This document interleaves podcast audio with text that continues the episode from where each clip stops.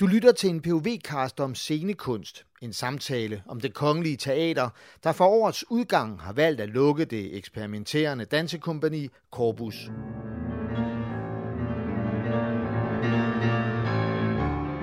I 2017 blev Corpus sat i verden for at udvikle fremtidens dans, for at udforske det ukendte og endevende dansens utallige potentialer.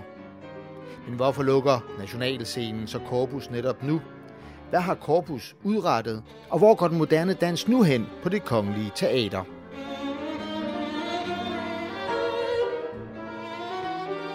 Det er meget mere taler jeg med danserne Alexander Stager og Marco Høst Herlev om.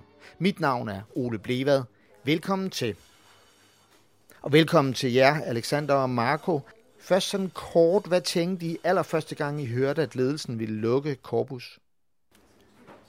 Vi var alle sammen lidt chokerede. Det var første dag efter øh, sommerferien. Kommer tilbage som det første og tænker, nu skal vi i gang efter en coronanedlukning. Først var vi alle sammen bare lidt i granatschok og lidt øh, selvfølgelig chokeret over, at øh, udsigterne til at lukke. Og så er det jo klart, så melder der sig en masse spørgsmål om, hvad ligger bag den beslutning, og egentlig så havde vi indtryk af, at der var fondstøtte klar til os, og så, så det var meget den der, i starten selvfølgelig, uklarheden om, hvorfor. Dig, Marco? Det er lidt samme oplevelse, faktisk. Jeg synes, I to er meget gode repræsentanter for Corpus. Alexander, du kommer fra den klassiske ballet, og sidder så i øvrigt i bestyrelsen for det kongelige teater som medarbejderrepræsentant. Og Marco, du kommer fra den moderne dans. Men inden vi taler om videre om Corpus, så prøv lige at præsentere jer selv. Jeg hedder Marco Høst, Herlev Høst, og jeg er uddannet fra Statens Scenekunstskole. Blev færdig i 2015, tror jeg. Jeg har gået på dans og koreografi derude. Og så har jeg arbejdet nogle år i et dansekompani i Frankrig. Også et mere konservativt, klassisk kompani. Det er en koreograf, der hedder Angela Prejukas, som har base i Aix-en-Provence, lige nord for Marseille. Og han har også lavet nogle balletter for Paris og Operan og sådan noget. Men han arbejder meget i sådan et trinsprog, der er meget sådan inspireret af klassisk dans, altså ballet. Med så sådan et eller andet øh, moderne twist, vil jeg kalde det. Øhm, inden jeg så startede i Corpus i 2017 samtidig med Alexander. Jeg hedder Alexander Stær, og min baggrund er, at jeg har været på det kongelige teater i rigtig mange år. Jeg kom ind som syvårig og har gået igennem hele den klassiske balletdansermølle igennem balletskole, aspirant år, nogle år i korpset og så solist.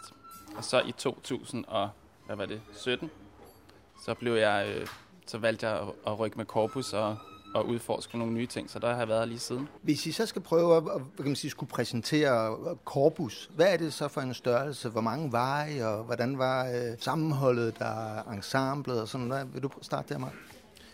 Corpus startede med at være seks dansere i alt. Tre kvinder og tre mænd. Øhm, og så er der så også en administration, ikke også en kunstnerisk leder, en producent, en øh, proceskonsulent, og mangler jeg nogen, så havde vi også, har vi også haft nogle assistenter på, som der har været inde over du ved, de mere praktiske opgaver og sådan noget. Øhm, og Corpus er jo meget, har jo hele tiden været meget tiltænkt som et eksperiment, eksperiment et øh, laboratorie, tror jeg, det er blevet kaldt mange gange, for dans inden for den kongelige ballet. Noget tilføj? Ja, så ideen har været at prøve forskellige formater af, hvordan laver man forestillinger. Øh, kan vi prøve at undersøge forskellige måder at gøre, gøre det, især, især øh, i rammen af det kongelige teater. Er det muligt for den institution at, at prøve noget nyt af og at skabe andre forestillinger? Så det har vi, jeg synes egentlig, vi har formået at præsentere ret mange forskellige forestillinger. Det er det, jeg egentlig synes kendetegner Corpus mest, at man ved aldrig helt, hvad det er, man skal forvente, når man kommer ind til en forestilling. Det kan, det kan være have et mere klassisk setup, nu mener jeg sceneopbygning og, og rum, eller også kan det have en meget mere gakket øh, opbygning med publikum, der går rundt mellem os og interagerer og sådan. Men har det givet nogle andre processer for jer som danser også? For mig personligt har, det, har der været rigtig meget improvisationsarbejde, som jeg ikke har været vant til i, i balletten. Så det har været en, det var en stor mundfuld første gang, man blev bedt om at selv finde på, hvad man skulle danse. øhm, og det er jo klart, det er noget, man, man, man lærer over, over lang tid og får, får værktøjer til.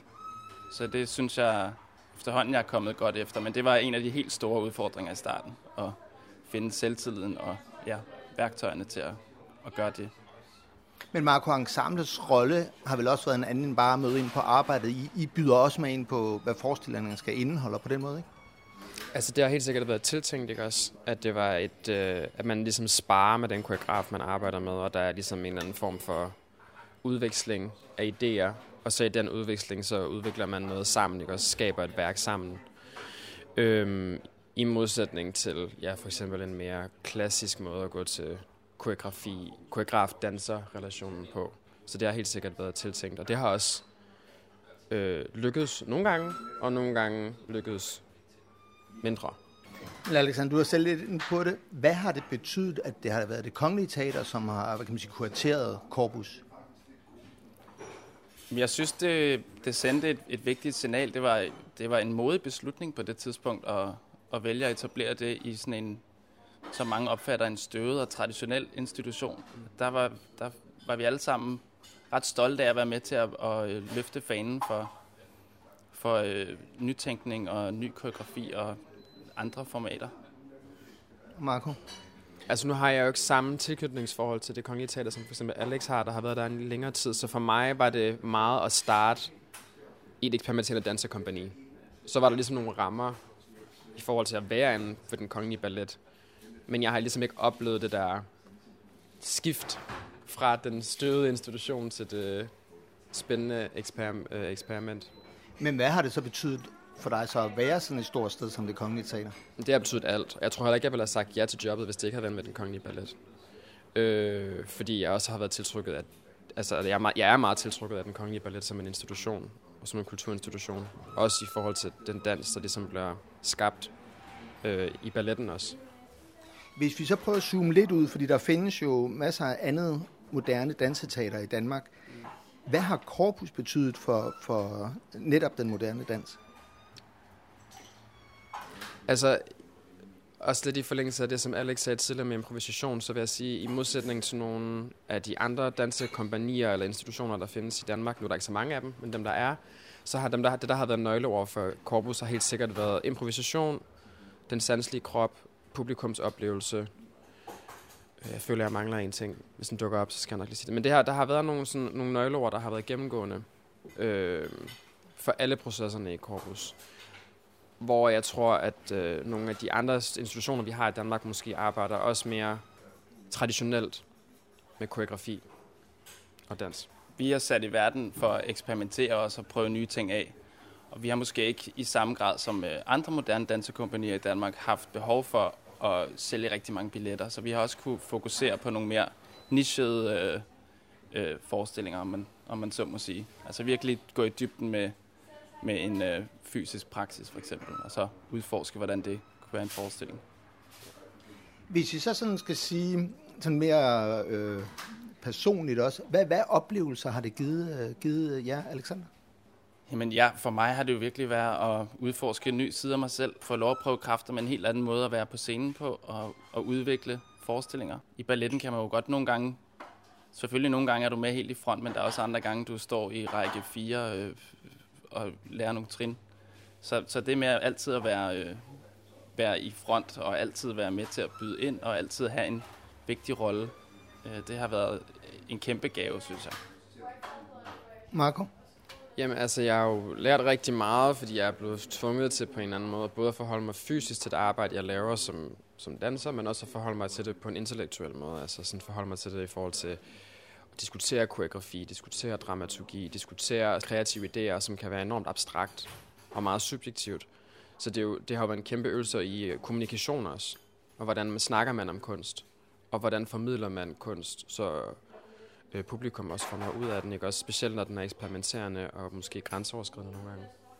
Og er det rum anderledes, det kan du måske så svare på, Alexander, i korpus end, end på den almindelige klassiske ballet? Det er meget, meget anderledes. Øh, I den klassiske ballet er det sjældent, du bliver spurgt om din holdning til en bestemt forestilling. Der bliver du forventet at, at lære trinene, og selvfølgelig kan du udforske inden for, hvad din rolle ligesom er. Inden for balletten kan du ligesom øh, øh, udforske inden for, hvordan din rolle er defineret, men alting er som regel lagt ret fast. Her der er der altid en, en dialog, eller næsten altid en dialog mellem danserne. Både danserne imellem, men også mellem den koreograf, der er hævet ind til at samarbejde. Så der ligger jo også der ligger både noget vildt spændende i at prøve at, at, at samle fem personers idéer i et samlet værk, men der er også udfordringer i, som Markus siger, det er jo subjektive holdninger, vi alle sammen har. Så hvordan, øh, hvordan lander vi det et sted, hvor vi alle sammen synes, det, det går den rigtige rej, øh, retning? Men er det også fordi, det er vigtigere at forklare moderne dans, end at forklare Svanesøen? Altså, jeg tænker... Mm, altså, så går vi også ind i noget historie her. og noget med, at, altså noget, noget med hvad, har, hvad, hvad, hvad for en dans har eksisteret længe, har fået meget eksponering, hvad er vi vant til at se. Øh, og der er sådan noget som Svanesøn, jeg er nødknækkeren, det er jo noget, som de fleste kan ikke genkende til, hvis de har en forhold til dans, ikke også? Men hvor moderne dans jo på mange måder er samtidsorienteret. Så moderne dans beskæftiger sig med problematikker, som der er nu og her i vores tid for det meste, og ofte også med et abstrakt eller et, øh, ja, et abstrakt sprog. Nogle gange kan moderne dans godt jeg kræve, at det bliver forklaret mere end klassisk ballet gør, eller ikke kun klassisk ballet, men mere traditionel kunst generelt. Men der kan man jo så også gå ind i en diskussion om, okay, men kræver det overhovedet en forklaring, eller er det bare fordi, vi er ukomfortable med at, at have øh, op, øh, oplevelser med abstrakt kunst? Altså når der er noget, vi ikke forstår, når vi oplever kunst, der stiller flere spørgsmål, end der kommer med svar, så bliver vi jo tit mere udfordret. Og det, øh, det har vi jo netop med Corpus udfordret vores publikum med øh, i mange af vores forestillinger. Det der med, at der ikke er en opskrift på, på hvordan det skal opleves. thank you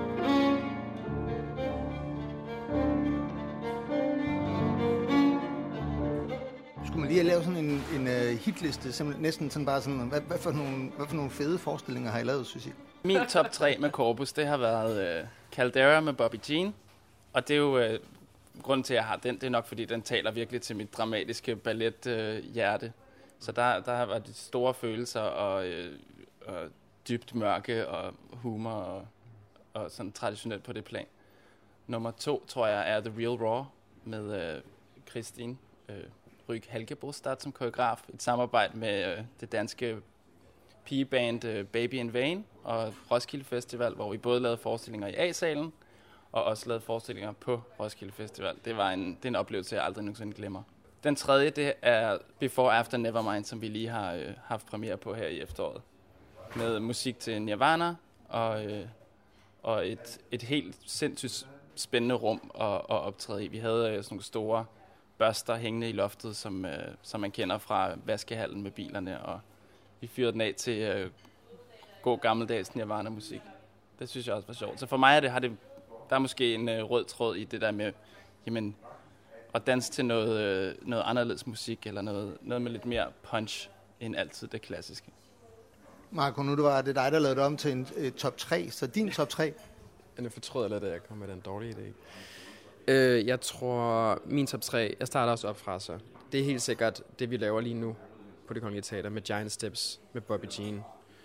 Øh, Pierre hedder hendes forestilling, det er den, jeg er med i det har været øh, helt fantastisk for mig. Og det har været helt fantastisk at arbejde med en, en, en, en koreograf, som arbejder med samtidsdans i dag, og som er up and coming, har sindssygt meget passion, men som også arbejder med, med, dan, med moderne dans og poesi og moderne dans og teater, øh, som jeg godt nogle gange, i, igen subjektiv holdning, nogle gange kan jeg godt føle, at moderne dans tager afstand fra de elementer, poesi og det mere dramatiske og sådan noget. Det er nummer et, helt sikkert. Nummer to, det tror jeg er Prefecture, den allerførste forestilling, vi lavede med Corpus, øh, med Martin Forsberg, som jeg synes har været nok den, apropos Punch, den forestilling, der er blevet lavet i Corpus, synes jeg, der har haft allermest, altså det var allermest en knytnæve i ansigtet for publikum. Sandsligt, og også for os dansere, og der var så meget energi i luften, fordi det var sådan allerførste forestilling. Så alle ville også gerne præstere og levere. Og det gjorde bare, at ja, det var bare rummet vibrerede hver aften, bogstaveligt talt. Øhm, og så tror jeg, nummer tre, der rører Before After Nevermind ind, som vi har lavet med Rachel Testen, som Alex også nævnte. Og så også The Real Raw, som Alex nævnte, der var det her Roskilde-samarbejde. Ja.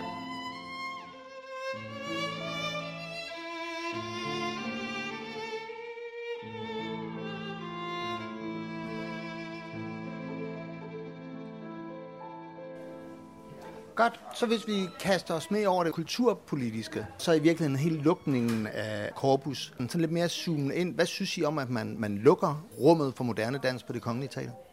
Jeg synes mange ting.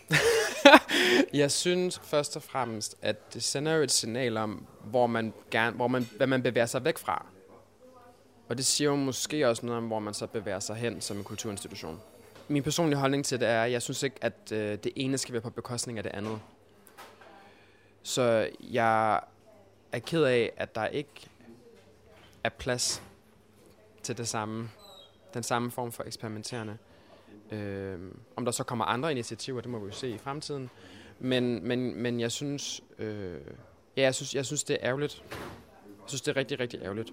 Fordi den, fordi den eksperimenterende kunst er jo med til ligesom også at sætte dagsordenen for meget af den kunst, vi senere vil måske vil omtale som mere traditionel, eller, klass, eller klassisk, eller konventionel, eller kommersiel, eller hvad man har lyst til at kalde den.